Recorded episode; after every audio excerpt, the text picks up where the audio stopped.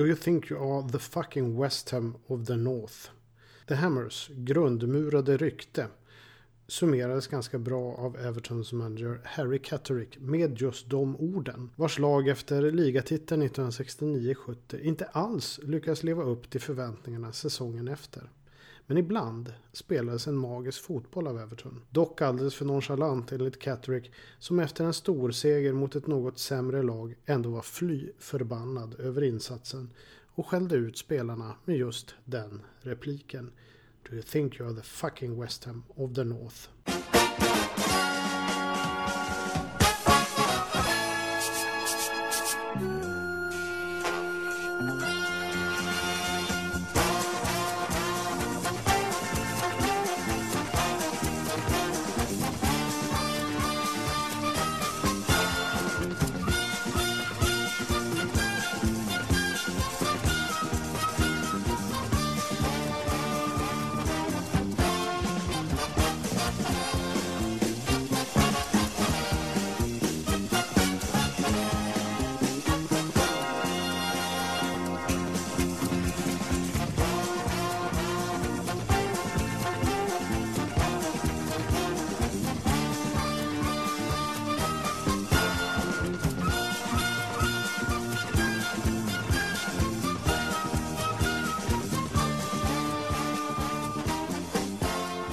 I skribenten Jon Lidbergs serie om Bobby Moore på Old School Football på Svenska fans får vi följa hans utveckling från ungdomsåren och framåt. Missa inte den. Barking i östra London, vad är det som fanns där och fick fram två så makalösa eleganter som Trevor Brooking och Bobby Moore?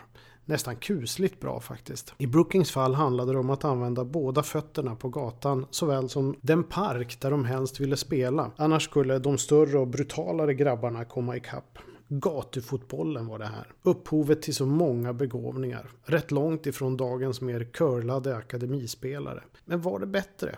Ja, det är ju svårt att veta då systemen aldrig egentligen riktigt fått gå en kamp sida vid sida. Bredden, det osystematiska mot eliten det systematiska. Jag växte i alla fall upp med Trevor Brooking och Bobby Moore. I Moores fall var han en av de få som nått över 100 landskamper på den tiden. Tillsammans med vår egen Björn Nordqvist. Jag tror han låg på 115 och Bobby Moore på 108. Och Bobby Moore nämndes i de flesta sammanhang då man skulle ta ut den bästa spelarna genom tiderna.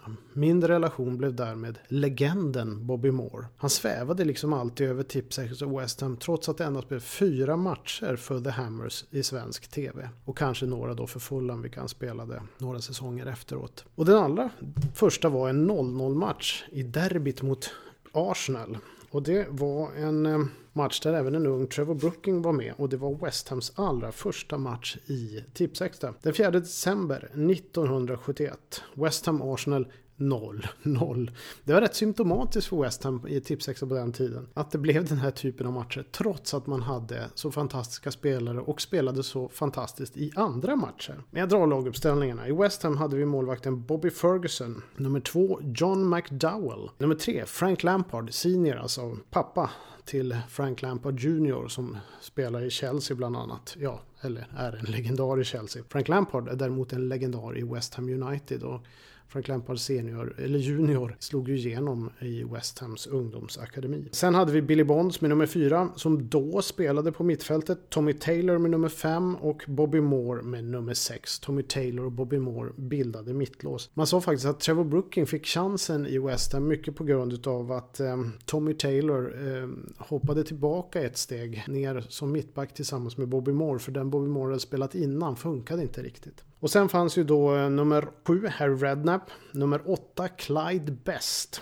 Nummer 9, Jeff Hurst. 10, unge Trevor Brooking. Och 11, Brian Pop Robson. Alltså det här är ju idel kända namn för er som var Tipsextra tittare på den tiden. Harry Redknapp blev ju sedermera en legendarisk manager. Eh, också pappa till Jamie Redknapp för er yngre. Clyde Best är en av de första svarta spelarna i den engelska ligan. Också en av de första tongivande svarta spelarna i den engelska ligan. Jeff Hurst, VM-vinnare och gjorde även då tre mål i finalen mot Västtyskland i VM 1966. Trevor Brooking, kanske den största West Ham-legenden genom alla tider en elegant ut i tåspetsarna får man säga. Och Brian Pop Robson var ju en spelare som alltid var med och gjorde rätt mycket mål. Och en stor spelare på den tiden. Inte att förväxla med den engelske legendaren Brian Robson som spelade i West Bromwich och Manchester United bland annat. Sen kan jag väl också nämna Billy Bonds som här spelade på mittfältet men sen flyttade ner och spelade mittback en herrans massa år och blev en legendarisk lagkapten för West Ham. Frank Lampard, Billy Bonds, Trevor Brooking, Bobby Moore Moore,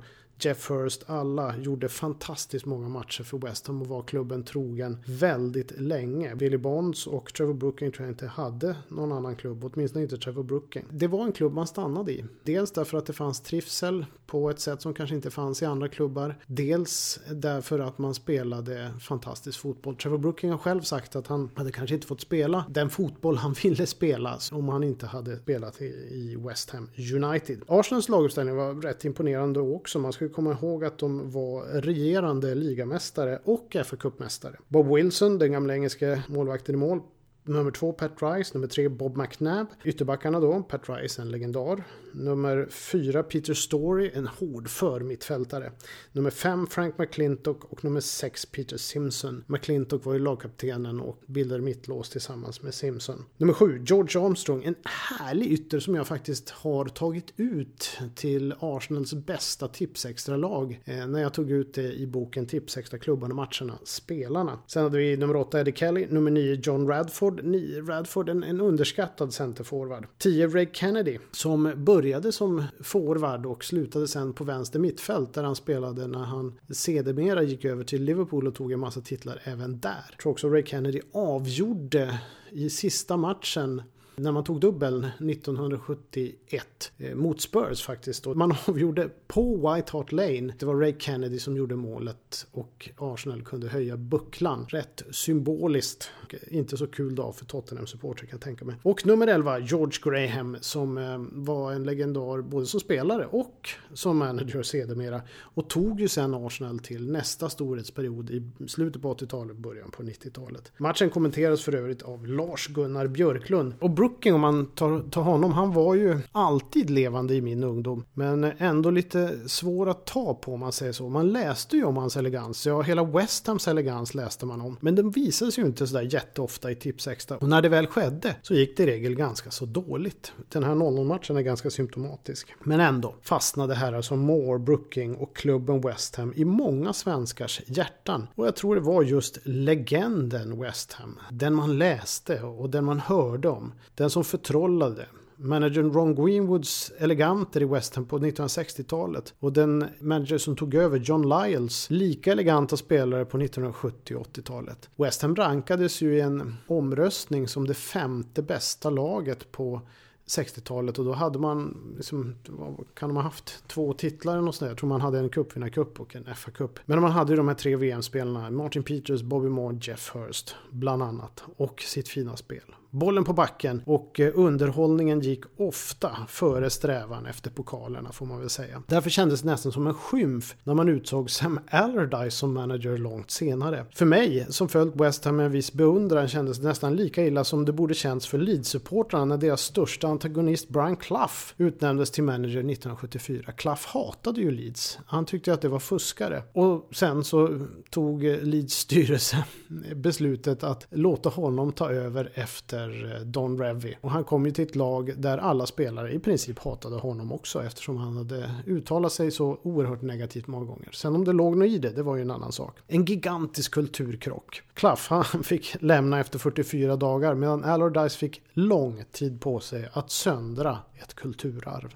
Idag är Old School Football Podcast åter faktiskt efter en ofrivillig frånvaro på grund av flunsan. Tyvärr, jag har ju inga stand-ins och mikrofonen står ju dessutom hemma på mitt rullande biblioteksbord där jag försöker klämma in all fotbollslitteratur eh, som jag har. Jag har inte fått eh, plats i bokhyllan riktigt med den. Tyvärr så köper jag ju ny litteratur hela tiden så att jag pressar in alla böcker och ska jag ha någon bok så tar det rätt lång tid att leta reda på den. Men det är i alla fall den finaste möbeln i hemmet. Så när jag ligger däckad då blir det ju inga poddar men då kan man plocka ut en bok därifrån och ligga och läsa lite grann. Och ibland så kan det väl vara lite skönt med en paus i nostalgiandet. I alla fall när jag pratar själv om det. Men förutom lite West Ham nostalgi nu med eleganterna Moore och Brooking så blir det ju North London Derby-tema. För det spelas ju i helgen och det är ju fokus för min del på Arsenal samt Tottenhams största eleganter genom tiderna. Och ni lyssnar på Old School Football Podcast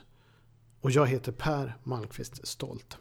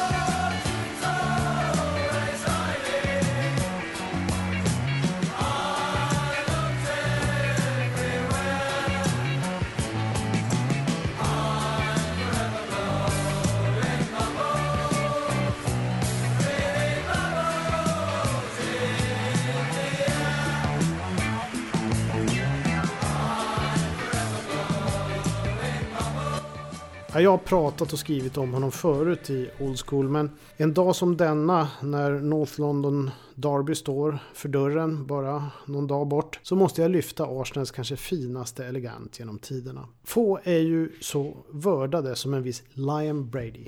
Under en tuff period för Arsenal representerade Brady ljuset får man ändå säga. Irländaren hade allt. Blicken för spelet, balansen, kvicktäcktheten, skottet, bollkontrollen och förmågan att flyta fram på plan. Aldrig någonsin i tidsbrist.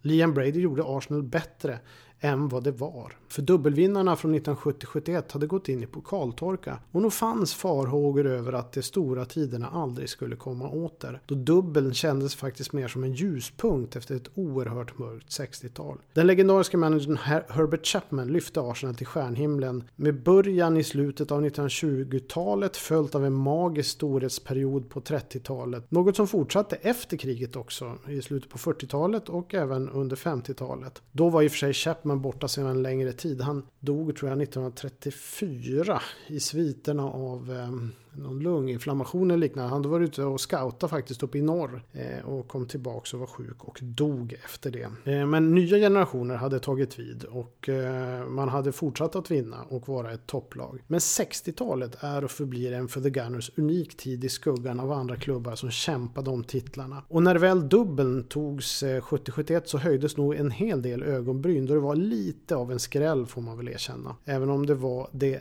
blott fjärde laget i historien som tog the double, alltså FA-cupen och ligan samma år. Frågan var om man skulle kunna bygga vidare på detta.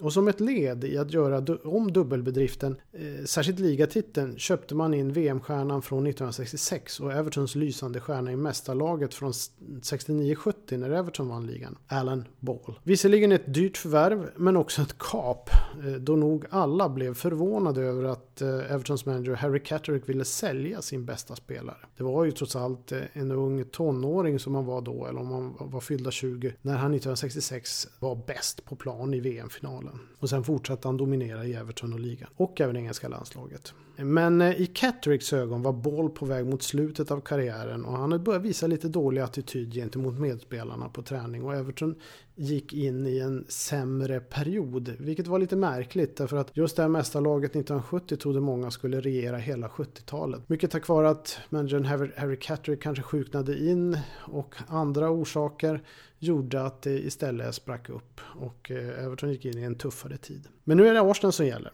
Och så, 1973 fick Liam Brady debutera under mästarmanagern Bertie Mee. Men eh, sattes lite på vänt då han inte ansågs färdig. Särskilt efter matchen eh, som kom efter debuten, vilket var ett derby mot Spurs där blott 17-åriga Brady faktiskt kom lite till korta. Men det var ingen tvekan om att kapaciteten och följande säsong spelade irländan till sig en ordinarie plats på mittfältet. Man drogs nedåt till tabellen faktiskt under den här perioden och man var inblandad i en del nedflyttningsfighter.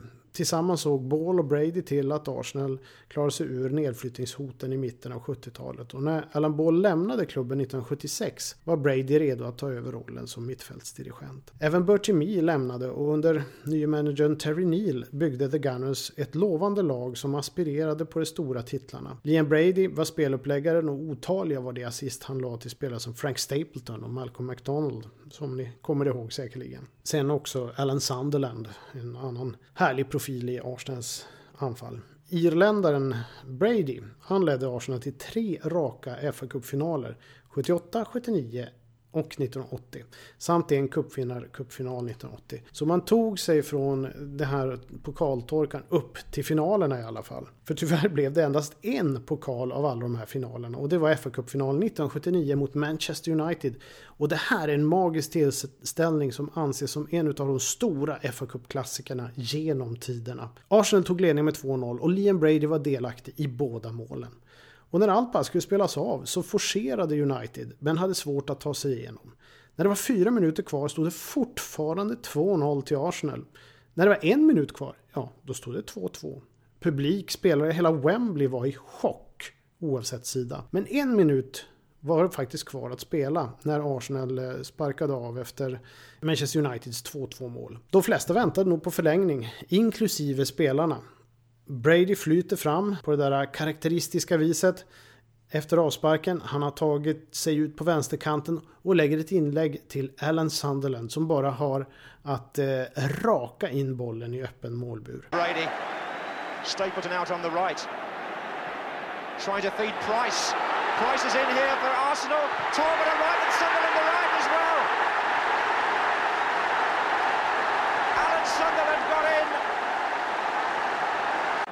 I think the heat is going to play quite a part in this final.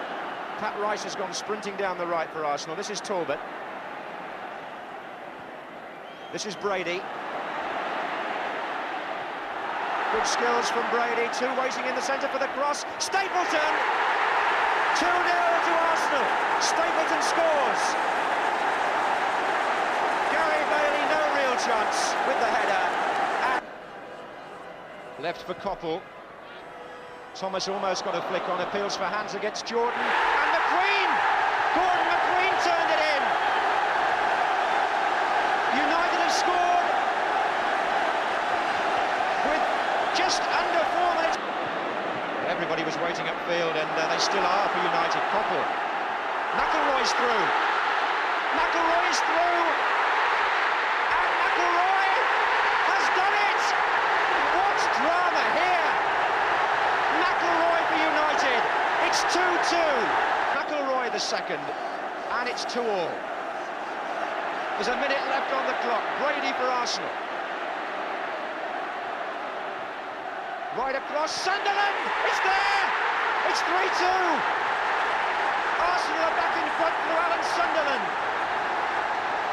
United have possibly, but only after a heart-stopping moment when Manchester United came back quite unexpectedly. Några magiska moment av ett spelgeni avgjorde finalen när alla trodde något annat. Det var ingen som var beredd på det här målet ens. Det är så stora stunder blir till och eh, stora spelare skriver in sig i historien. Det året blev han som första icke landslagsman vald till PFA Player of the Year och tidigare under säsongen gjorde han ett av de vackraste målen i ett London-derby, en 5-0-seger mot Tottenham Hotspur. I FA-cupfinalen eh, förlorade Arsenal mot Valencia på straffar. The Gunners hade faktiskt slagit ut IFK Göteborg tidigare i kvartsfinalen. Brady missade också en av de här straffarna, faktiskt Arsenals första straff mot Valencia. Han var då i, dock i fint sällskap med Valencias stjärna argentinaren Mario Kempes som också missade Valencias första straff. Och Mario Kempes var ju för övrigt den som avgjorde VM-finalen 1978. Han blev också skyttekung i det VMet för Argentina. Stackars Graham Ricks, om ni kommer ihåg honom, blev till slut syndabock och missa den sista avgörande straffen. Liam Brady hade i semifinalen faktiskt imponerat på de italienska motståndarna Juventus. Italiens eh, då överlägset bästa klubb värvade därmed eleganten från Arsenal. En chock för många fans som nog bara satt och väntade på en ny storhetstid för Arsenal. Dirigerad av självaste Brady. Det blev 307 matcher och 59 mål för The Gunners. Faktum var att Brady skulle bli en av få lyckade brittiska exporter till italienska ligan. Då var det en världsklassliga där britter hade svårt att anpassa sig till spelet såväl som livsstilen. Men det, de engelska lagen höll jämna steg. Det var ju trots allt de engelska lagen som i princip prenumererade på Europacup-titlarna på den här tiden. Så det var rätt jämna ligor. Men Juve var väldigt bra. Men Brady han var för bra för att misslyckas och tog två scudetto-guld på raken i ett Juve som kanske är ett av de absolut starkaste lagen genom tiderna. När Italien vann VM 1982 dominerades laget av Juventus faktiskt, främst försvarsmässigt. Och tänk att Libro-eleganten Gaetano Chiré spelat ihop med Liam Brady. Ja, det är rätt fin fotboll som man kan tänka sig därefter. Nu var ju Juventus kanske inget lag som spelade klang och jubelfotboll, utan det handlade om disciplin och att slå till när motståndaren minst anade det. Men det krävdes en ankomst från en viss Michel Platini för att Brady skulle bli tvungen att byta klubb. Det blev ytterligare några år i Italien i klubbar som Sampdoria, Inter och Ascoli. Totalt sju år faktiskt på italiensk mark. Passande nog avslutade han sin karriär i West Ham United. Laget som då enligt gammal tradition alltid välkomnade eleganter. Debuten i irländska landslaget kom redan 1974 och det skulle bli 72 landskamper. Dock missade han EM 1988 på grund av en avstängning och under kvalificeringen till VM 1990 pensionerar han sig. Eftersom han inte fick visa upp sig i ett stort VM eller EM-slutspel så har han nog fått en mindre roll i fotbollshistorien än vad han är värd. Men för Arsenal-fans är Chippy, som han kallades, en av de allra främsta och kanske även på en del håll i Italien också och definitivt på Irland.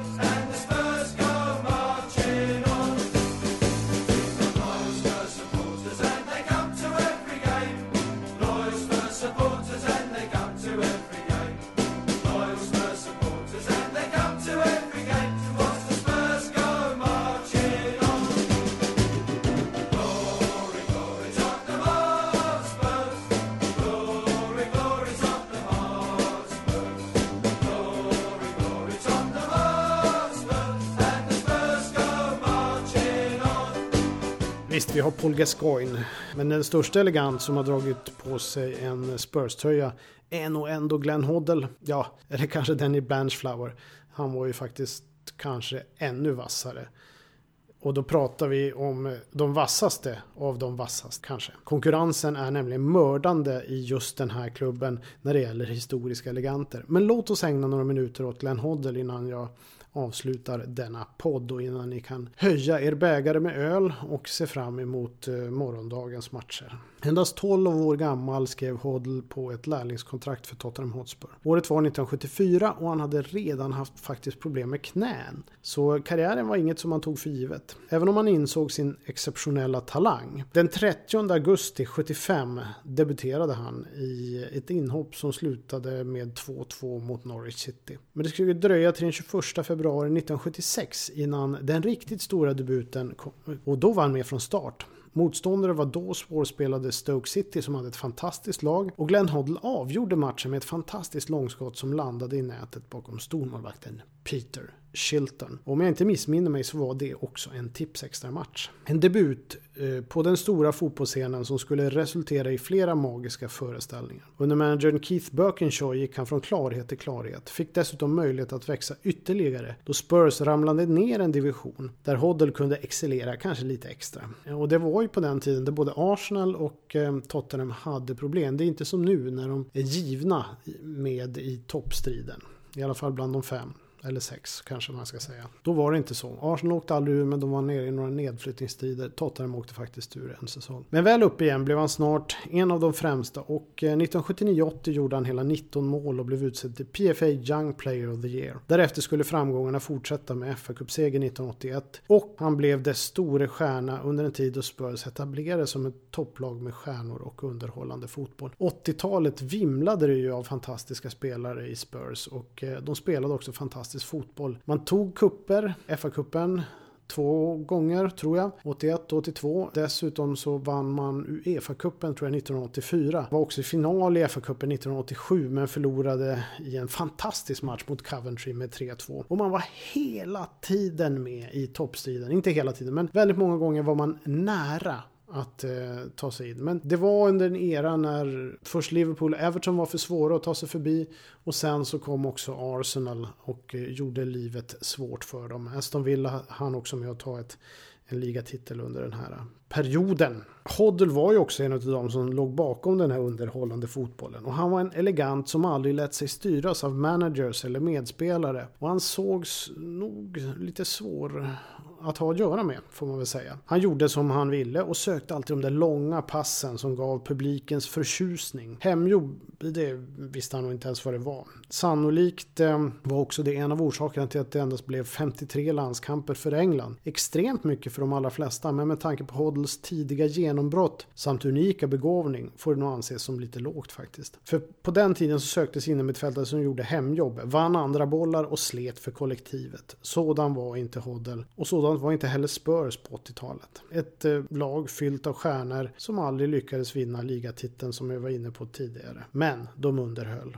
Förvisso framgångsrika då på kuppfronten men med tanke på spelarmaterial kan det så här i efterhand kännas som en synnerligen klen tröst. Karriären fortsatte i AS Monaco, avrundades i Swindon Town samt Chelsea. I två senare klubbar agerade han också som spelande manager. 1996 tog han över som engelsk förbundskapten med inte alltför imponerande resultat. Därefter har han också tränat Southampton, Tottenham och Wolves. Men det är en elegant utöver det vanliga. En elegant som jag tycker man kan gå in på YouTube och njuta lite grann av så här på fredagskvällen. Eller den kväll som ni nu lyssnar på detta avsnitt. Fyra spelare, tre klubbar. Alla har det gjort avtryck här hemma i Sverige.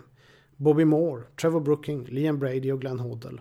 Jag skriver en hel del om dessa herrar i boken Tipsextra klubbarna, matcherna och spelarna som ni kan köpa i en välsorterad akademibokhandel såväl som på Adlibris och Bokus. Inte minst Trevor Brookings levnadsöde tecknas i ett helt kapitel. Och glöm inte att följa Jon Lidbergs serie om Bobby Moore nu på Svenska fans. Lägger även upp en artikel om Brooking som jag skrev tidigare för Svenska fans så att vi kan ladda upp inför helgens matcher. Och därmed säger jag bara en sak. Old School Fotboll i väntan på lördag. Skål på er! Don't know where, don't know when, but I know we'll meet again some sunny day.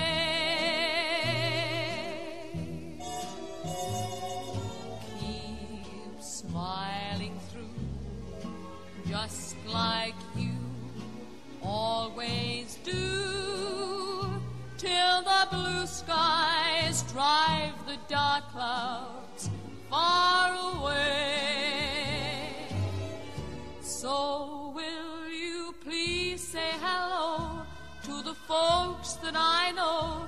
Tell them I won't be long.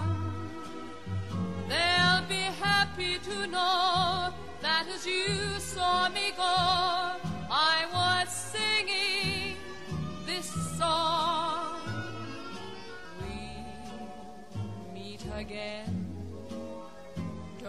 know where, don't know when,